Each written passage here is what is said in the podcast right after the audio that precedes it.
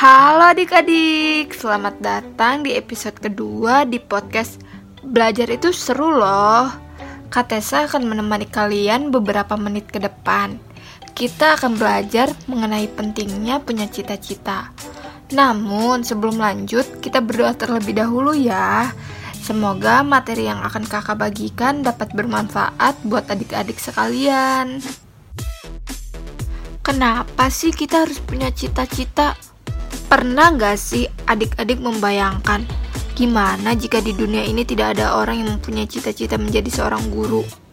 Pasti akan banyak orang tidak bisa membaca, menulis, dan berhitung.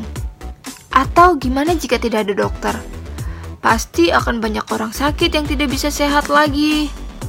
Atau tidak ada petani. Mungkin kita tidak akan bisa memakan beras yang sudah diolah menjadi nasi oleh ibu. Nah, jadi apa pentingnya kita memiliki cita-cita?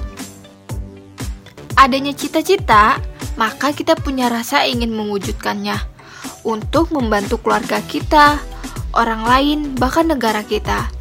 Cita-cita membawa kehidupan manusia menjadi lebih baik, membawa kebahagiaan buat diri kita dan orang lain.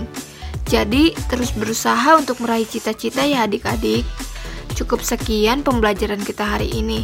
Terima kasih sudah mendengarkan episode hari ini. Tetap semangat dan jangan lupa jaga kesehatan. Sampai berjumpa di episode selanjutnya. Dah, adik-adik.